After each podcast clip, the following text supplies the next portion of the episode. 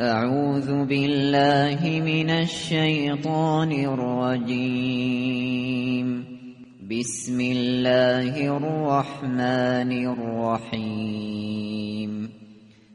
ارأیت الذی یکذب بالدین به نام خداوند بخشنده بخشایشگر. آیا کسی که روز جزا را پیوسته انکار می کند دیدی؟ فذلك الذي يدعو اليتیم او همان کسی است که یتیم را با خشونت میراند.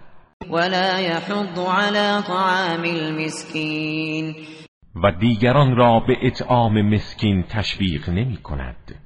فویل للمصلین پس وای بر نماز گزارانی که الذين هم عن صلاتهم ساهون.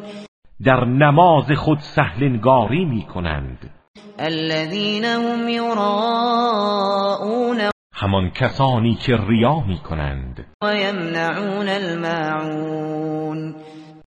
و دیگران را از وسایل ضروری زندگی منع می نمایند